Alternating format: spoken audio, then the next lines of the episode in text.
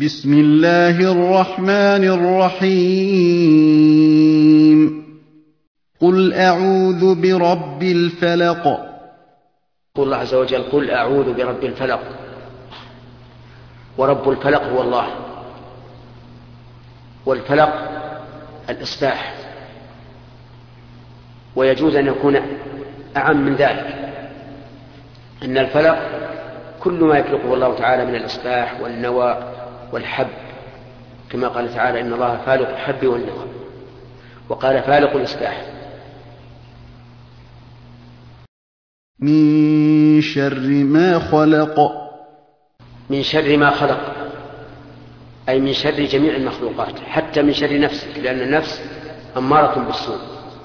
فإذا قلت من شر ما خلق فأول ما يدخل به نفسك. كما جاء في خطبة الحاجة نعوذ بالله من شرور أنفسنا. وقول من شر ما خلق يشمل شياطين الإنس والجن والهوام وغير ذلك. ومن شر غاسق إذا وقب. ومن شر غاسق إذا وقب. الغاسق قيل إنه الليل وقيل إنه القمر. والصحيح أنه عام لهذا وهذا. أما كونه الليل فلأن الله تعالى قال أقم الصلاة لدلوك الشمس إلى غسق الليل. وكما نعلم جميعا أن الليل تكثر فيه الهوام والوحوش. فلذلك السعادة من شر الغاسق أي الليل. وأما القمر فقد جاء في الحديث عن النبي عليه الصلاة والسلام أن النبي صلى الله عليه وسلم أرى عائشة القمر وقال هذا هو الغاسق. وإنما كان غاسقا لأن سلطانه يكون في الليل. وقول من شر غاسق إذا وقب هو معطوف على من شر ما خلق من باب عطف الخاص على العام لأن الغاسق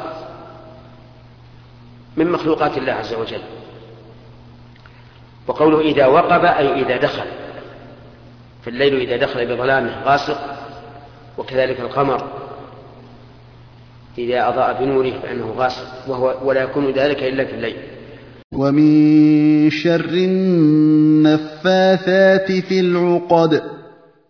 ومن شر النفاثات في العقد ومن شر حاسد إذا حسد.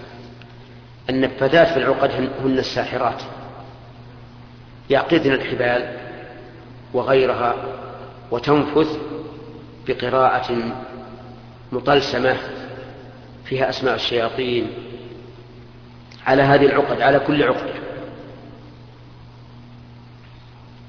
تعقد ثم تنفث تعقد ثم تنفث تعقد ثم تنفث وهي بنفسها الخبيثة تريد شخصا معين فيؤثر هذا السحر بالنسبة للمسحور.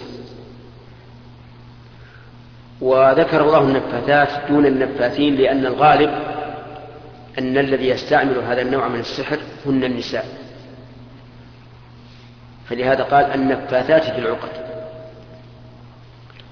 ويحتمل أن يقال إن النفاثات يعني الأنفس النفاثات فيشمل الرجال والنساء. من شر حاسد إذا حسد. ومن شر حاسد إذا حسد الحاسد هو الذي يكره نعمة الله عليك. فتجده يضيق ذرعا إذا أنعم الله على هذا الإنسان بمال أو جاه أو علم أو غير ذلك فيحسده. ولكن الحساد نوعان نوع يحسد ويكره في قلبه نعمة الله على غيره لكن لا يتعرض للمحسود بشيء. تجده مهموما مغموما من نعم الله على غيره لكن لا لا يتعد لا يعتدي على صاحبه. والشر والبلاء إنما هو بالحاسد. متى؟ إذا حسد. ولهذا قال إذا حسد. ومن حسد الحاسد العين. التي تصيب المعان. يكون هذا الرجل نسأل الله العافية عنده كراهة لإنعام الله على الغير فإذا أحس بنفسه أن الله أنعم على فلان بنعمة خرج من نفسه الخبيثة. معنى لا نستطيع أن نصفه لأنه مجهول. فيصيب بالعين من تسلط عليه. أحيانا يموت وأحيانا يمرض وأحيانا يجن. حتى الحاسد يتسلط على الحديد فيوقف اشتغاله.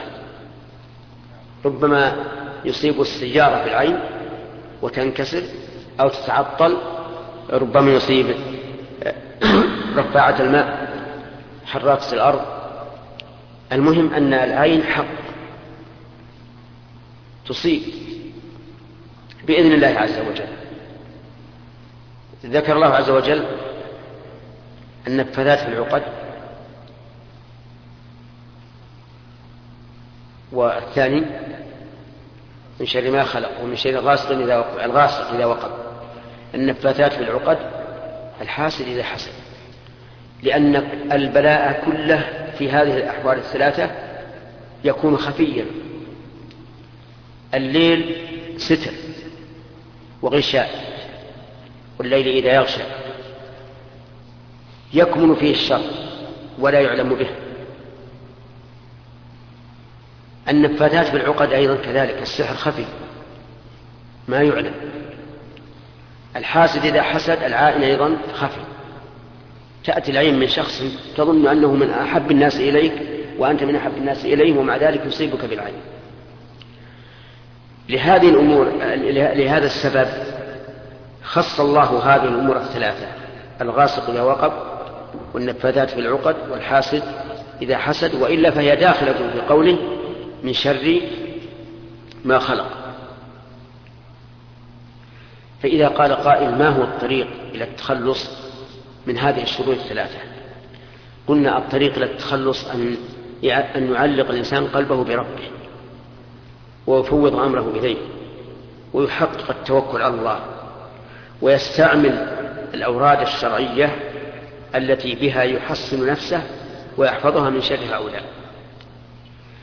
وما كثر الأمر في الناس في الآونة الأخيرة من السحرة والحساد وما أشبه ذلك إلا من أجل غفلتهم عن الله وضعف توكلهم بالله عز وجل على الله عز وجل. وقلة استعمالهم للأوراد الشرعية التي بها يتحصنون.